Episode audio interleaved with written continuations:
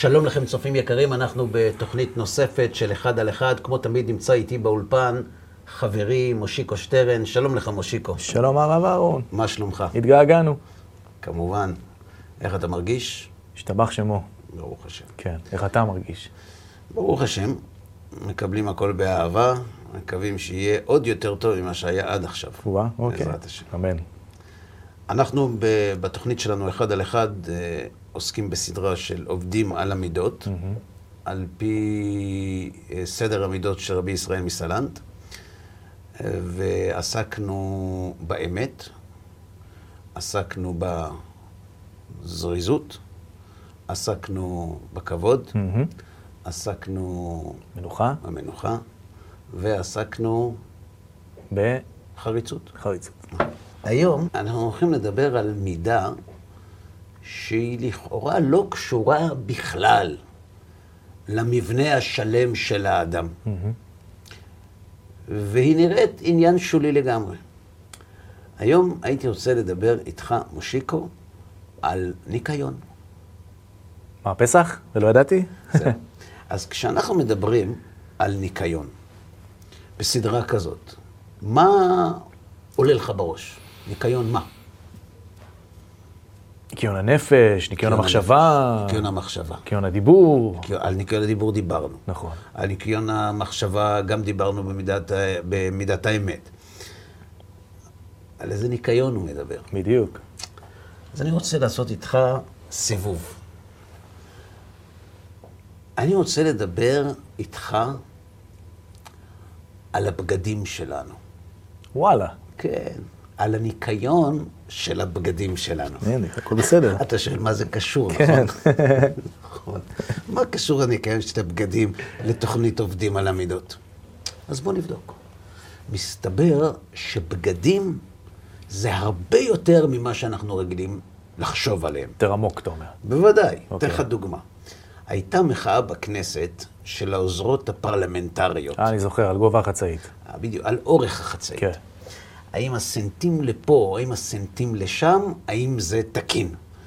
והיו חברי כנסת שמחו על כך שלא נתנו לעוזרת פרלמנטרית להיכנס, כי לפי ההבנה של אה, משמר הכנסת, היא לא אה, הגיעה אל משכן הכנסת בלבוש הולם על פי תקנון, על פי קוד הלבוש. כן. אני רוצה, אני עשיתי שיעורי בית, אני רוצה לצטט לך אה, ציטוט מתוך אתר הכנסת. בכבוד. הכניסה למשכן הכנסת היא בלבוש הולם ומכובד, בהתאם לקוד הלבוש שהונהג בכנסת. לא תותר כניסה בלבוש שאינו מכבד את משכן הכנסת. ובכלל זה גופיות, מכנסיים שאינם באורך מלא, קצרים או שלושת רבעי, מכנסיים עם קרעים, חצאיות ושמלות לא מספיק ארוכות, אימוניות, מה שנקרא טרנינגים, כפכפים וכיוצא באלה. אני רוצה לשאול אותך שאלה. כן. מה עסק משמר הכנסת? איך עוזר או עוזרת פרלמנטרית מגיעים לכנסת? אני רוצה להגיע לכנסת עם מכנסיים. יש אנשים בשביל כל קרע במכנסיים משלמים המון כסף. זה נכון. כן. ככה הוא רוצה לבוא. כן. מי אתה שתגיד לו איך להגיע? מה דעתך על הטיעון הזה? קודם כל שזה נראה לי כמו משהו שחשוב להם. זאת אומרת, הם נותנים ערך עליון, כמו שאתה נותן פה, לדברים שקשורים. אנחנו קוראים לזה צניעות בעולמות שלנו, והם קוראים לזה כבוד משכן הכנסת. איך הלבוש שאיתו האדם מגיע לכנסת קשור לכבוד המקום? קודים. זאת אומרת, אם מונהג קוד לבוש מסוים, נכון. זה אומר שזה שייסד או קבע או הנהיג את קוד הלבוש הזה, חושב שלבגדים שאנחנו לובשים יש אמירה. בהחלט. זה לא שמת עליך משהו. אתה יודע, בימים שיש לנו עבודה, אז אני עושה גם חתונות וגם סוגים של אירועים עסקיים כאלו ואחרים, ולא מעט מהפעמים המפיק מפיקה מתקשרים אליי, ואומרים לי, אתה וצוות העובדים, קוד לבוש מחויית, כפתורים, חניבה, חליפה, כל אחד וה... אתה יודע, אה, קוד לבוש לבן, קוד לבוש שחור. יש את הדבר הזה, זאת אומרת, זה משהו שקיים, ואתה מבין שבעל האירוע, רוצה שתהיה פה איזה סוג של אחידות בהתייחסות לכבוד האירוע. זאת אומרת, הוא לוקח את הלבוש כמשהו שמכבד את האירוע. יפה. זאת אומרת, ממה שאתה אומר, וממה שקראנו אה, בתקנון הכנסת, אנחנו למדים שהבגדים הם לא רק כיסוי, mm-hmm. או אי כיסוי, תלוי איזה בגדים. יש בבגדים שאדם אדם לובש, זה משדר משהו. נכון. זה אומר משהו על מה הוא חושב על המקום שהוא מגיע אליו. חד משמעית. למרות שזה חתיכת בד. נכון. אני רוצה לדבר איתך על עוד משהו. אתה זוכר את מחאת התלמידות? לא מזמן. לא מזמן, נכון. אפילו הזכרנו את זה כאן. נכון. הגיעה תלמידה לבית ספר, אה, לפי דעתה של אחת המורות, היא לא הגיעה על פי קוד הלבוש שהמורה חושבת שהוא קוד הלבוש של בית הספר. אולי היא העליבה אותה, אולי לא, לא יודע בדיוק מה היה שם, ואז פרצה מחאה של תלמידות, ילדות. כן. שלא רוצים, אף אחד לא... יש פה אי שוויון, לבנים מרשים מכנסיים קצרות, לבנות לא מרשים. אתה יודע שפעם היה חוק של תלבושת אחידה בבתי ספר. עדיין יש, בהרבה מקומות. כן, אבל זה נתון לשיקול דעתו של בית הספר, זה לא חוק ש... נכון. כן. עכשיו, יש לי שאלה אליך. מה, מה, מה הבעיה בתלבושת אחידה? למה, למה, למה ביטלו את זה? מה הבעיה בתלבושת אחידה? אני לא רואה בעיה בתלבושת זה אחידה. לא, לא. אלה שנאבקו בזה טוענים שקודם כל מדובר בהוצאה כספית נוספת. כן, חייבים חוץ לקנות. מהבגדים. כן, אוקיי. שזה, אני לא יודע עד כמה זה נכון, כי כשיש לך תלבושת אחידה... אתה קונה פעם אחת בשנה, אחת. 30 כשאתה שקלים בחולצה. בגדים, זה לא על הדרך, אתה נכון. קונה במיוחד. אבל לא משנה, אה, הוצאה מיותרת, זמן, בזבוז זמן, ודבר הכי חשוב, כן. באינדיבידואליות של הילד או הילדה. אה. זאת אומרת, אלה שנאבקים בתלבושת האחידה, הילד רוצה להביע את עצמו. טוענים כן. שהבגד עוזר לילד להביע את מי שהוא. אלה שבעד תלבושת אחידה טוענים, אותו דבר, רק הפוך. כן. שהבגד מאוד משדר, וכדי להילחם בתחרותיות וב... וב- ילד שיש לו יותר ופחות. בדיוק. כן. אז אנחנו נעניק תלבושת אחידה. נכון. עד כדי כך שיש אתר באינטרנט, אני לא רוצה לעשות לו פרסומת, אבל הם פונים להורים ולילדים ולילדות כדי שחס ושלום ההיצמדות לקוד הלבוש לא יהיה מסיבות דתיות. והם אומרים ככה, קוד לבוש מבחינת הולמות האירוע זה בסדר. כן. אבל מסיבות דתיות, אז אומרים ככה, יש קוד צניעות ויש קוד לבוש. איך תדע אם פונים אליך בשם קוד הלבוש או בשם קוד הצניעות? נו, איך? הנה בבקשה. קוד של צניעות זה התייחסות מפורשת לבנים ובנות. זאת אוקיי. אומרת, יש בנים ויש בנות. עוד אוקיי. דרישות כלפי בנות שמובאות בהדגשה. סימן שזה בשם קוד הלבוש הדתי. או פירוט של סוגי הבגדים שלרוב רק בנות לובשות, כמו אה, כל מיני בגדים שאני לא מכיר. אה, התייחסות לסנטימטרים של הבגד, עד היכן, עד השמרפק או עד השרוול או עד הברך. התייחסות ללבוש של ההורים או של אלה שמבקרים בית ספר. אם פונים אליך בשם אחד מהפרמטרים האלה, אלה שפונים אליך, הם באים אליך בשם הקוד הדתי. אה, זה פסול בעיניהם. אוקיי. מה זה קוד לבוש? שהוא כמו, כמו בכנסת, אין פנייה למין מסוים. יש התייחסות כוללת יותר לסוגי הבגדים, כמו מכנסיים, חולצה ולא יותר.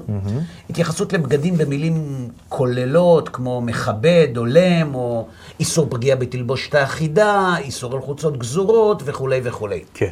אבל מה הצד השווה שבהם? שגם הם מסכימים שללבוש יש אמירה.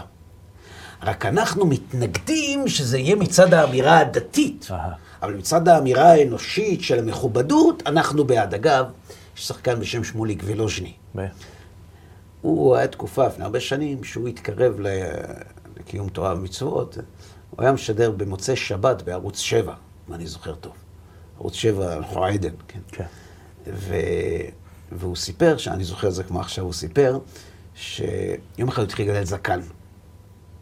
ואז כל החברים והחברות התקשרו, אמרו לו, תראה, שמוליק, עד פה. תראה, זה יכול לקחת אותך למקומות מאוד לא טובים, אתה יודע, קצת, אה, זה בסדר, אבל אתה, אתה יודע לאן זה הולך. כן. אז הוא אמר להם, אני לא מבין מה אתם רוצים. אמרו לו, מה זאת אומרת? מה פתאום התחלת לגדל זקן? אתה יודע כמה אנשים דתיים יש בלי זקן? אז הוא אמר להם, מה פתאום? הציעו לי תפקיד בהצגה, אני מגדל זקן. אמרו לו, אה, אז הכל כן, בסדר. ברור, כן. יפה. אותו דבר לגבי קוד הלבוש. אם זה לא מסיבות דתיות, אנחנו מוכנים לדבר. אם זה מסיבות דתיות, זו הדתה ואנחנו נילחם בזה. אבל גם הם מסכימים, כמו בכנסת, שללבוש יש אמירה. נכון. אני בדקתי עוד. אתה יודע מי עוד מחויב לקוד לבוש? נו מי? על פי חוק. על פי כללי רשות שדות התעופה, משנת 1983, התשמ"ג, נהגי מוניות שמסיעים מנמל התעופה בן גוריון צריכים ללבוש לבוש הולם. זה שלא עושים את זה, זה בגלל שהתיירים לא יודעים מה זה לבוש הולם. כן. אבל, כלומר, אתה מייצג את ה... מגיע תייר, אתה מייצג את המקום שאליו הוא מגיע, אתה צריך להתנהג במכובדות. נכון. בשנים האחרונות, אגב, נהגי האוטובוס מקפידים על זה. כן, נכון, יש מדים לנהגי אוטובוס, נכון, מכבד את מה שהוא עושה. אגב, בארצות הברית, אתה יכול לראות דבר מעניין. אנשים ש... שעוסקים בהרבה מקצועות, זה יכול להיות אינסטלטור, זה יכול להיות סבאי, זה יכול להיות בנאי. הוא מגיע לעבודה מדוגם. הוא מכבד את מה שהוא עושה. הוא מתייחס ברצינות למה שהוא לא. הוא לא בא עם סנדלים. נכון. גם בבית המשפט יש קוד לבוש. רוצה שנראה לך? כן.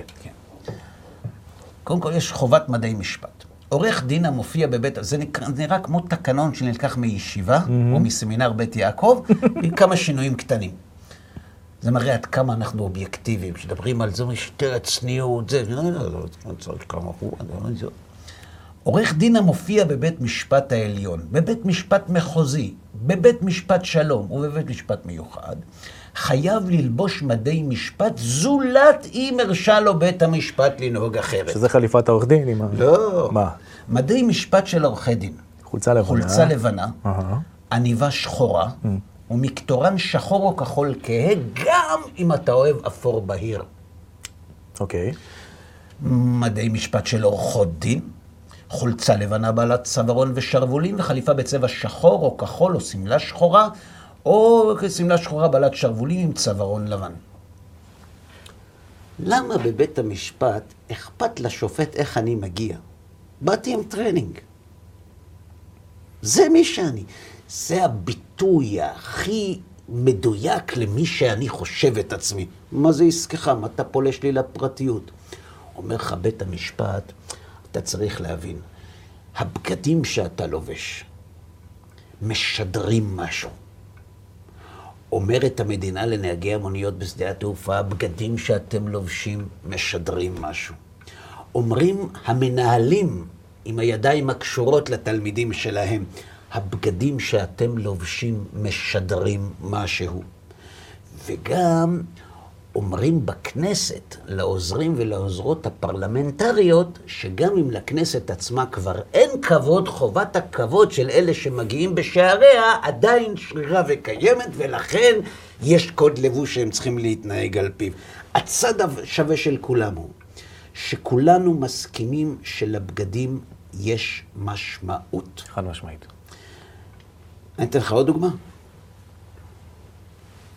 יש אנשים שצריכים לקנות חליפה לאירוע. כן. אתה הולך לקנות חליפה משיקו. כמה עולה חליפה? אלף שקלים. אלף. יש יותר יקר. בטח. יש חליפות שעולות עשרות אלפי שקלים. נכון. למה? מותג? אבל זה בת. כן. אבל כשאתה עושה ככה, יש, יש מותג. מה זה מותג? שם, ברנד של מישהו, משהו, למה בית אנשים אופנה. מוכנים לשלם בשביל מותג? כי זה כאילו נחשב איכותי. אנשים רוצים להרגיש חשובים, נכון, שונים, מיוחדים. נכון. באה חברה ואומרת לך, תקשיב, אתה יכול לקנות חליפה ב-200 דולר, אבל אנחנו ניתן לך אותה ב-9,000 דולר. עכשיו, אם אנשים יראו אותך עם המותג שלנו, הם יקטלגו אותך בשכבה סוציו-אקונומית מאוד מסוימת. נכון.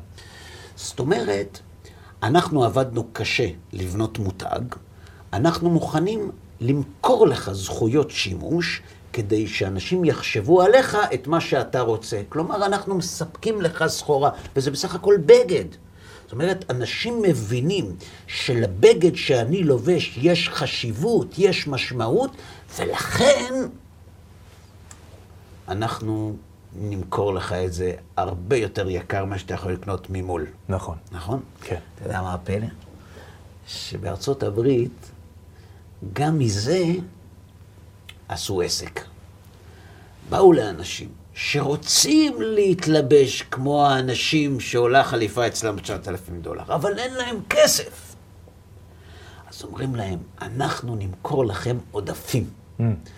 ואת זה אנחנו נמכור בזול, אבל אנשים לא ידעו ויחשבו שקניתם את הביוקר. כן. וככה אתה יוצא וכל תאוותך בידך. כן. זה פשוט לא יאומן. כן. מה כל תרבות שזה המותגים? תכלית הקיום של התעשייה הסינית בערך, לא? כן, כן. להחליף לייבלים. כן. עכשיו תגיד לי אתה, כל המושג של מותגים הוא מושג שהוא לא קשור לבגד עצמו. לא, לא, הוא פועל על תודעה. בדיוק. זאת אומרת, אנחנו רואים היטב, אני חושב שאף אחד לא יחלוק על זה, שהצורה שבה האדם מתלבש. עכשיו, אני כרגע לא מדבר על איך, כמוני, כמוך, כמוהו, זה לא הנושא. לאיך שאתה מתלבש, על פי המקובל במקום שבו אתה חי, אה, יש אמירה מעבר לבגד עצמו. בסדר עד פה? בטח. מעולה. מה אומרת היהדות על בגדים? מניח שאת אותו דבר. זה קצת לא נכון להגיד אותו דבר, כי היהדות הייתה לפני המותגים, כן. אבל אני גם על זה עשיתי בשבילך עבודה. אוקיי. אם אנחנו רוצים לדעת איזו חשיבות ההלכה היהודית, אני לא מדבר איתך על מוסר, מייחסת לבגדים, תקרא יחד איתי. הלכות סנהדרין ברמב"ם. אין מעמידים בסנהדרין. מי הם, מי הם הדיינים בסנהדרין? בין בגדולה בין בקטנה. אנשים חכמים ונבונים, מופלגים בחוכמת התורה, בעלי דעה מרובה, יודעים קצת משאר חוכמות, כגון רפואה וחשבון ותקופות ומזלות ואסטרולוגיה ודרכיה וכישוף ואבלי עולם הזה וספורט, זאת אומרת, אבלי כן. עולם הזה זה גם קשור, וכיוצא באלו. למה? כדי שיהיו יודעים לדון אותם. כן. את פה בסדר? כן. ואין מעמידים בסנהדרין, אלא כהנים, לוויים וישראלים המיוחסים, הראויים להשיא לכהונה, שנאמר, ויתייצבו שם עמך, בדומים לך בחוכמה וביראה וביחס. כלומר, הדיינים בסנהדרין הם אנשים עם דעה מאוד רחבה, חכמים ויראי שמיים. אבל לא כולם דיינים בסנהדרין. כן. מה לגבי בית דין אה, רגיל? קטן, כן. בית דין של שלושה. אף על פי שאין מדקדקים בהם בכל אלו הדברים שהזכרנו קודם, צריך שיהיה בכל אחד מהם שבעה דברים. שבעה. ואלו הם חוכמה וענווה. אני הייתי מסכים גם רק אחד, אבל זאת אומרת. חוכמה וענווה ויראה ושנאת ממון ואהבת האמת ואהבת הבריות להם ובעלי שם טוב. בסדר? כן. זאת אומרת, על מי אנחנו מדברים כשאנחנו מדברים על דיינים בסנהדרין גדולה או קטנה או בבית דין של שלושה? על אנשים מאוד נדירים שיש להם יראת השם, נכון. יש להם חוכמה ויש להם ענווה. ועוד כל התכונות שהזכרנו כאן. הם שונאים כסף גם.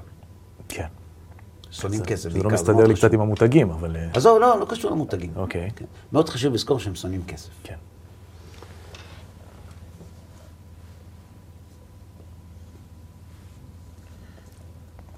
בפרק כ"א, הלכה ב', בהלכות סנהדרין לרמב"ם, הרמב"ם כותב, שני בעלי דינים, שהיה אחד מהם מלובש בגדים יקרים, כן. והשני מלובש בגדים בזויים, כן. אומר למכובד, או אלבישהו כמותך עד שתדון עמו, או לבוש כמותו עד שתהיו שווים. אחר כך תעמדו בדין. כן. מה פירוש? ששניהם צריכים להיראות באותה רמת אה, לבוש. למה? כדי שבטעות השופט... זה מה זה בטעות. יש לך מושג עם מי אתה מדבר? חכמים, ענוותנים, אנשי אמת, יראי שמיים, שונאי ממון. וכל זה לא אומרת, הרי מספיק. מה הבעיה? כן. אתה רואה בן אדם עשיר, אתה תכבד אותו. מי מכבד עשירים? מי שאוהב כסף. הוא שונא כסף. זה לא מעניין אותנו. נכון. כשבאים שני אנשים והלבוש שלהם שונה, זה משפיע על פה. או לכבד את העשיר כי הוא עשיר, או לרחם על העני מול העשיר כי הוא עני ואתה רובין הוד. זה כמו המנגנון של עין רואה לב חומד. כאילו זה... נכון. זאת אומרת, חז"ל לא עשו לנו הנחות בקשר לבגדים, והם אמרו, כל כך הבגדים משפיעים, שאפילו על אנשים כאלה, זה יכול להטות להם את הדין. כן. אז שאנשים יגידו לי שהם לובשים בגדים סתם, הם חושבים כל כך הרבה לפני שהם מתלבשים. מה הם רוצים לשדר היום כשהם מתלבשים? כמובן, לאן אני מגיע? שזה... לאן אני רוצה להגיע עם זה? כן, בעזרת זה. כן. עוד נקודה. הקדוש ברוך הוא מצווה את משה רבנו אה, לעשות בגדים מיוחדים לאהרון הכהן. כלומר, לכהנים, אבל הוא שמונה בגדים מיוחדים. והיו, ועשית בגדי קודש לאהרון אחיך לכבוד ולתפארת. זאת אומרת, הבגדים נועדו לכבוד ולתפארת. מעבר לעובדה שהבגדים משדרים החוצה, התורה מלמדת אותנו שהבגדים משדרים פנימה. מכבד אותך. נכון. רבי יוחנן היה אבי קרי למאני מכבדותי. רבי יוחנן היה קורא לבגדים שלו מכבדיו. כלומר, הבגדים הם לא רק משדרים כלפי חוץ, ולא רק מכבדים או לא מכבדים את לובשם, הם משפיעים על לובשם. איך הם משפיעים? תראה מה כותב הנציב. באשר נדרש העניין שיהיה אהרון מקדש עצמו ומתנהג בחסידות ובפרישות נבדל מכלל ישראל. אהרון הכהן, היה לו תפקיד. הוא היה בעצם המוביל הרוחני של מלמדי הזכות על עם ישראל. הוא- הוא היה שליח ציבור, עובד לפני השם. כן. והוא היה צריך להתנהג בצורה הרבה יותר גבוהה מאשר אחרים, וזה אי אפשר, אלא באופן שיהיה נכבד בעיני הבריות, שידעו ויבינו כי הוא במעלה עליונה, נכון? ומשום הכי היו הבגדים לתועלת, שיהיה בעיני ישראל לכבוד ולתפארת, ומזה הבינו כי חפץ השם בעיקרו. אומר הנציב שלבגדים שהאדם לובש יש השפעה על הבחוץ ועל הבפנים. על עיניהם של האנשים המתבוננים בעובד השם, כמו שאנחנו רואים להבדיל את אנשי משמר המלכה, נכון. או בצבא. או בצבא, אבל, אומר הנציב עוד יסוד, כשאהרון מסתכל על הבגדים שהוא לובש, הוא נזכר בתפקיד שלו. יש לך תפקיד, אתה לא בן אדם רגיל. אתה צריך להתנהג בהתאם למעמד שלך. אני יכול להעיד על עצמי, כן. שבאיזשהו שלב בחיי, שהחלטתי לקחת עליי ציצית, זה גרם לי, לא פעם, לחשוב פעמיים אני, לאן אני נכנס עם הדבר הזה עליי.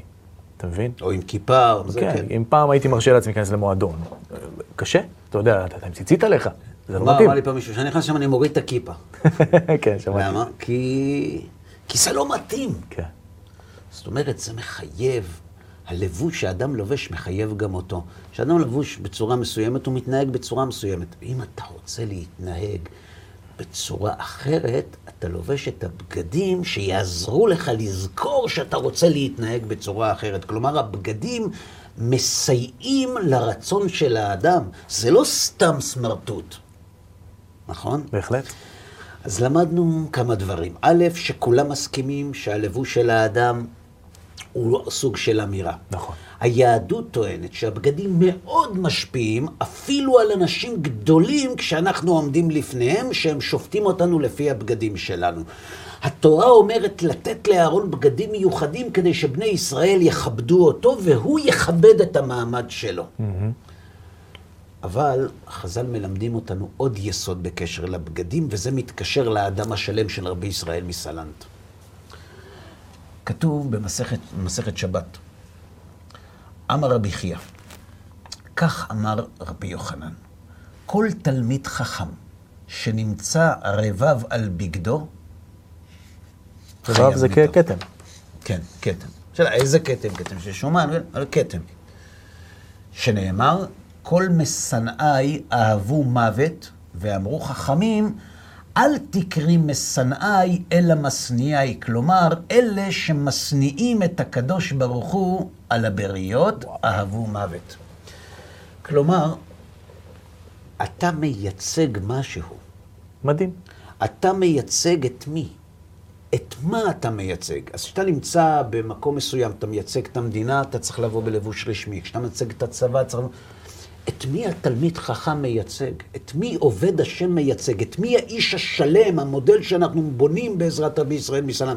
את מי הוא אמור לייצג? איש האמת והזריזות והחריצות והנחת וה, וה, וה, והכבוד. את מי הוא מייצג? אתה שולח את הקדוש את ברוך הוא. שלימות כן. האדם שנברא על ידי הבורא, כן. שכפוף לציוויו. ואתה מתייחס לבגדים בזלזול, שגורם לאנשים ללגלג עליך ולבזות את מה שאתה מייצג. וואו. זה חילול השם. שהרי זה כאילו אהבו מוות, שהם חייבים איתה. בסדר? עכשיו אני רוצה לטפס איתך עוד קומה.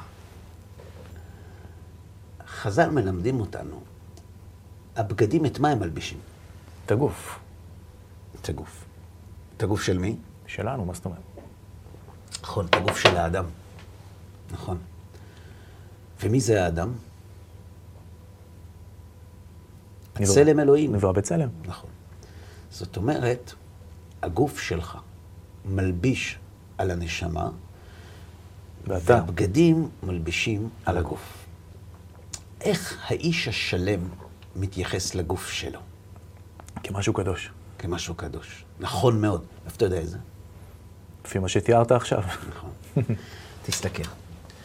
רוחץ אדם, זה ברייתא. אוקיי. רוחץ אדם פניו, ידיו ורגליו בכל יום, בשביל קונו.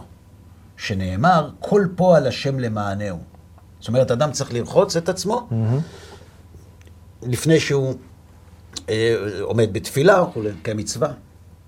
למה? כי בצלם אלוהים עשה את האדם.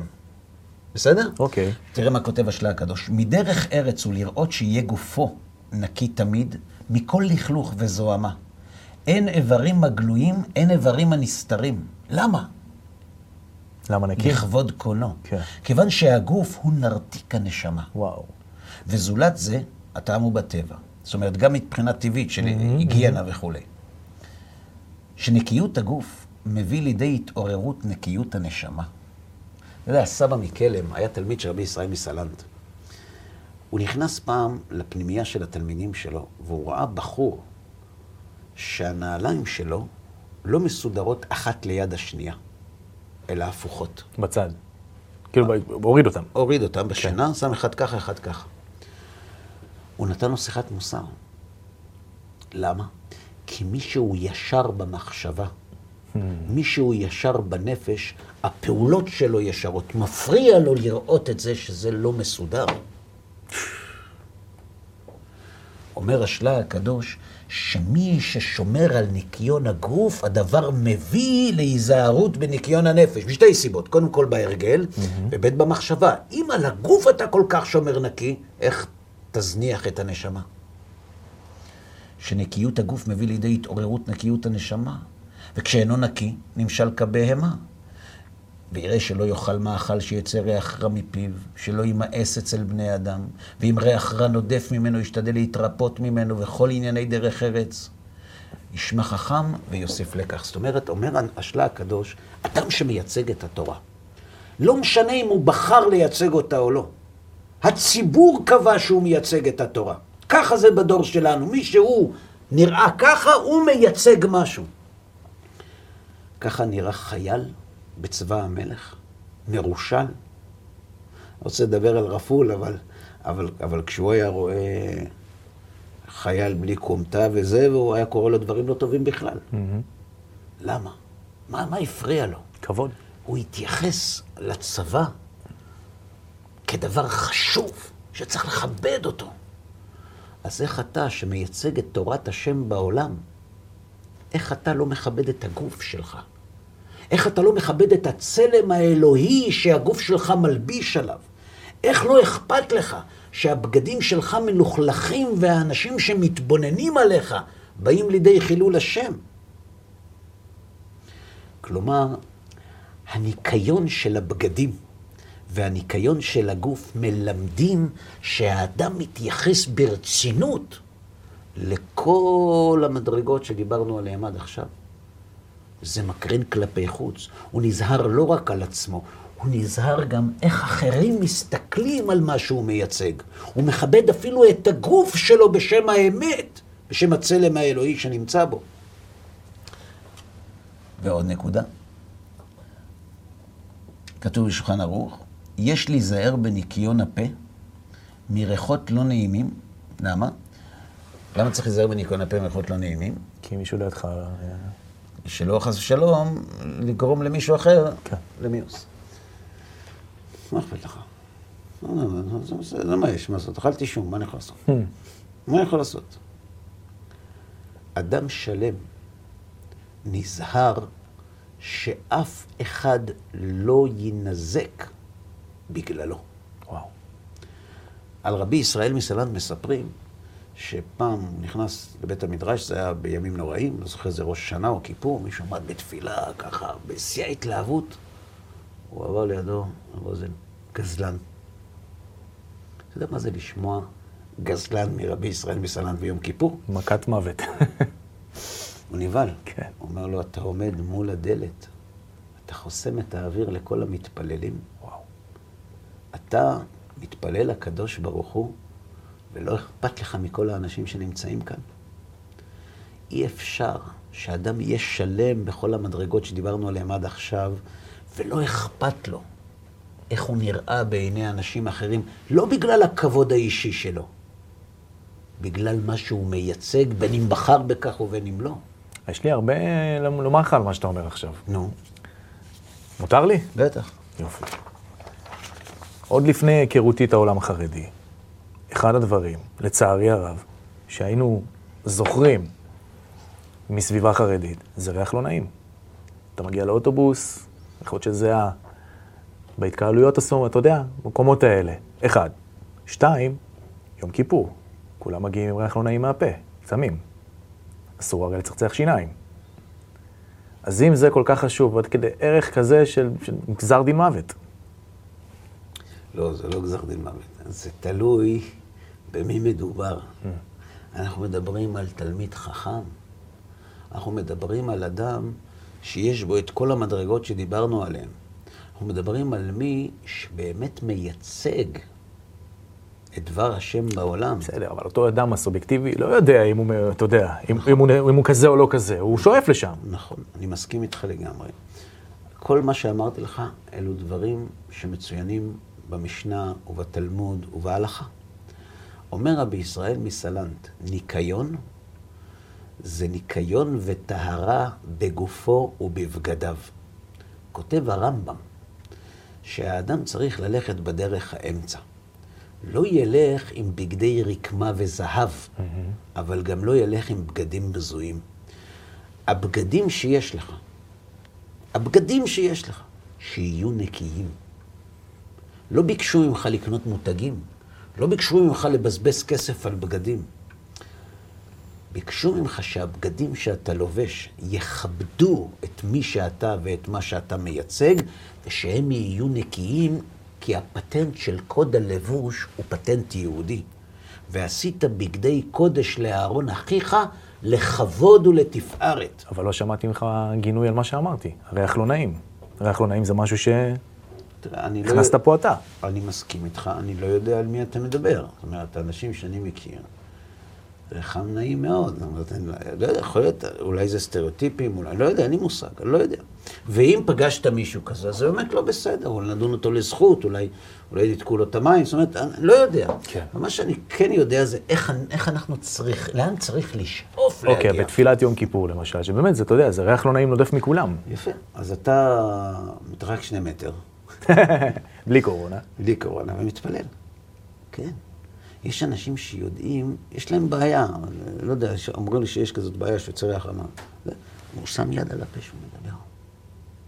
הוא מודע, מודע לזה. הוא שם יד על הפה שהוא מדבר. כי חשוב לו ש- שלא לגרום למיאוס בעיני זה שעומד לפניו. אז נחזור להתחלה. כן. הוויכוח היחיד שיש בין היהדות לבין קוד הלבוש של הכנסת, וקוד הלבוש של עורכי הדין, וקוד הלבוש של בתי הספר, וקוד הלבוש של נהגי המוניות, הוא לא ברעיון. הרעיון הוא שהבגדים של האדם מכבדים או מבזים את מה שהוא מייצג. ומי שיש בו אמת, וזריזות, וחריצות, וכבוד, ודיבורו בנחת, אפשר שהדבר לא יבוא לידי ביטוי בחיצוניות שלו, ביחס שהוא מעניק לאחרים, או בחשיבות שהוא מעניק לאיך מה שהוא מייצג נראה בעיני אחרים. Mm-hmm. לכן בתוך י"ג המידות שרבי ישראל מסלנט מלמד אותנו, הוא מדבר על משהו לכאורה היגייני, לכאורה שולי, לכאורה לא קשור לשלמות כן, האדם. חיצוני ו- אבל החיצוניות היא חלק משלמות האדם. אני למדתי בישיבה שחינכו בה בשיטה שנקראת גדלות האדם. היו שתי שיטות. Mm-hmm. הייתה שיטה אחת של, של סלבודקה, והייתה השיטה של ישיבת נוברדוק. בסלבודקה חינכו לגדלות האדם. בנוברדוק חינכו לשפלות האדם. שפלות האדם זה, תגיד לי, מי אתה חושב שאתה, שאתה מעז להמרות את רצון השם? בסדר? שזה אמיתי לגמרי. כן? אבל יש עוד גישה. פשוט נורא מבאס כנראה. לא. אנשים הגיעו בדרך הזאת למדרגות גבוהות מאוד בעבודת השם. אוקיי. יש דרך אחרת. אתה יודע מי אתה? אתה נזר הבריאה. אתה בן של מלך. אתה היצור שהקדוש ברוך הוא בחר בו. כן. נהג בהתאם. היה אחד האדמו"רים, שזה יכול להביא לידי גאווה. כן, ודאי. גם שפלות אדם יכולה להביא לידי גאווה. אה, היה- היה אה, אדמו"ר אחד, כן. שיש לילה שהם לא לומדים, כי מיני, למ- שיחק שחמט עם בן שלו, עם הנכד שלו, אני חושב הבן, והבן שלו רימה אותו. אוקיי. עשה לו... אז אז מה, מה, מה, מה אתה אומר לילד? למה אתה מרמה? נכון? מהמם. אמר לו אבא שלו, ממך לא ציפיתי לדבר כזה. קשה. מה זה אומר? זו ביקורת בגלל שאתה למעלה. נכון. שיטת גדלות האדם, לא נרחיב בה, היא שיטה שדחפה את האדם להרגיש מכובדות ומתוך כך מחויבות. לא מה מגיע לי כי אני מכובד, אלא מה אני, איך אני צריך להתנהג כי אני מכובד. לשאוף לגבוה. אני זוכר, ישבנו פעם, לא זוכר באיזה התכנסות זה היה, היה רב מאיר חודש, עליו השלום, המשגיח הרוחני של ישיבת חברון, ורב זבולון גרז, עליו השלום, הם היו חברים, ורב זבולון גרז סיפר ש... שכשהם הגיעו לארץ, הם הלכו בתל אביב, הם הלכו עם צילינדרים ועם אה, מקל, הם היו בחורי ישיבה. כן. הם כיבדו את מה שהם מייצגים. הם היו אנשים שלמים. זה לא החיצוניות, זה הפנימיות הבוערת שאי אפשר שלא תקרין על החיצוניות. זה מאוד. כי מי שכל כולו עבודת השם, בן של מלך, כשהוא מתלבש, הוא חייב שזה יתאים למה שהוא מייצג. אדם מינו אותו לתפקיד של רב באיזה מקום, הוא הולך לקנות מעיל ארוך כזה עם כפתורים וכובע וזה. שיהיה ככה, למה? ש... לא בשביל עצמו, חס ושלום. מכבד את התפקיד שהוא, שהוא הרגע קיבל. זכית להיות בן של מלך, אומר רבי ישראל מסלנט. הגוף שלך משרת אותך. הלל הזקן, כשהיה הולך להתרחץ, היה אומר לתלמידים שהוא הולך לגמול חסד עם הגוף שלו. Mm-hmm. הגוף שלך משרת אותך. איך לא תשמור על ניקיונו? הבגדים שלך מכסים על הגוף שלך, הם משדרים מה אתה מייצג. איך לא תשמור על ניקיונם? שלא תגרום חס ושלום לחילול השם, כי אם אתה גורם לחילול השם, אינך האדם השלם. ומפה שהניקיון הוא אחד המרכיבים באדם השלם. זה מדהים. אתה יודע, זה נותן לי הרגשה שהדבר הזה בעצם כמו סוג של דרגות קצונה. לא פחות מזה. ממש ככה. בוודאי. וכשאמרת עכשיו על שיטת הגדלות, שדרכה למדת ב- ב- בישיבה, זה מזכיר לי משהו, אולי במקום לציין גם שתהיה לו רפואה שלמה, הרב יגאל כהן חברנו. איך הכרתי אותו? ראיתי ראיון שלו מול מראיין מאוד מוכר, אמנון לוי, והוא שאל אותו את השאלה באמת טיפשית. והרב יגאל ענה לו, אתה יותר חכם מהשאלה הזו. וזה היה משהו שלאותו מראיין אין, אין מה לעשות כרגע. הוא פשוט חייך, והוא אחר כך סיפר, זה איש כובש, ונכבשתי בקסמה, ונשארנו לדבר עוד אחר כך, וטטטם ועניינים וזה. אז כנראה שזאת השיטה שמדברת אליי, בתדר שלי. ועוד סיפור שאני רוצה לספר לך, על הבגדים, שגם בעולם העסקי, יש לי חבר שאתה מכיר אותו, איתנו באחד השיעורים אצל נתן, שהוא בעלים של אה, איזשהו אה, גוף תקשורת גדול. ויום אחד, אחד העובדים הבכירים שלו, שהוא גם איש מכירות שם, הגיע בטישרט לבנה. מכובדת, כזה, אתה יודע, שקונים עכשיו טריה, נקייה. בוא רגע, למה לבשת טישרט היום? זה אומר שבאת לשבת במשרד, לא לצאת למכור, נכון? סע הביתה, תחליף, או אל תבוא היום. אה, יש לי סיפור דומה. כן? כן. ילד מגיע לישיבה, בלי כובע וחליפה. אומר לראש הישיבה, אתה הולך בלי כובע וחליפה. לך הביתה, תביא כובע וחליפה, בלי כובע וחליפה, אל תבוא לישיבה. אז מה אומרים על הרב הזה? אז הוא נתפס לקטנות, מה הקיצוניות הזאת? משניאים עליו את הכובע וחליפה? אז זה יכול לבוא באמת ממקום קטנוני, אבל אם זה בא ממקום אמיתי, אתה מייצג משהו, איך אתה שוכח לבוא עם מדים לבסיס? אתה יודע, ילד, אחד הדברים הכי מרגשים אותו כשהוא נהיה בר מצווה, זה שהוא הולך עם כובע וחליפה. הוא כמו גדול. הוא נהיה גדול. כמו הגדולים, יש לי כובע וחליפה. זה משדר מכובדות, זה נכון. משדר מחויבות. נכון. כמובן אסור להתרגל לזה, וזה אחד החטאים שלנו. אבל המקום שאנחנו נותנים לבגדים בתור מרכיב תומך בבניין האישיות שלנו, הוא משהו שרבי ישראל מסלנט מלמד אותנו עליו. תודה רבה, מושיקו, שהיית איתי לעוד תוכנית של לך. אחד על אחד. פרק בשמחה. חשוב. כן. תודה רבה גם לכם, צופים יקרים, שהשתתפתם איתנו בעוד תוכנית של אחד על אחד. אנחנו מאוד מקווים שנהנתם, שהדברים יהיו לתועלת, ובעזרת השם נתראה ונשתמע בתוכניות הבאות. כל טוב לכם.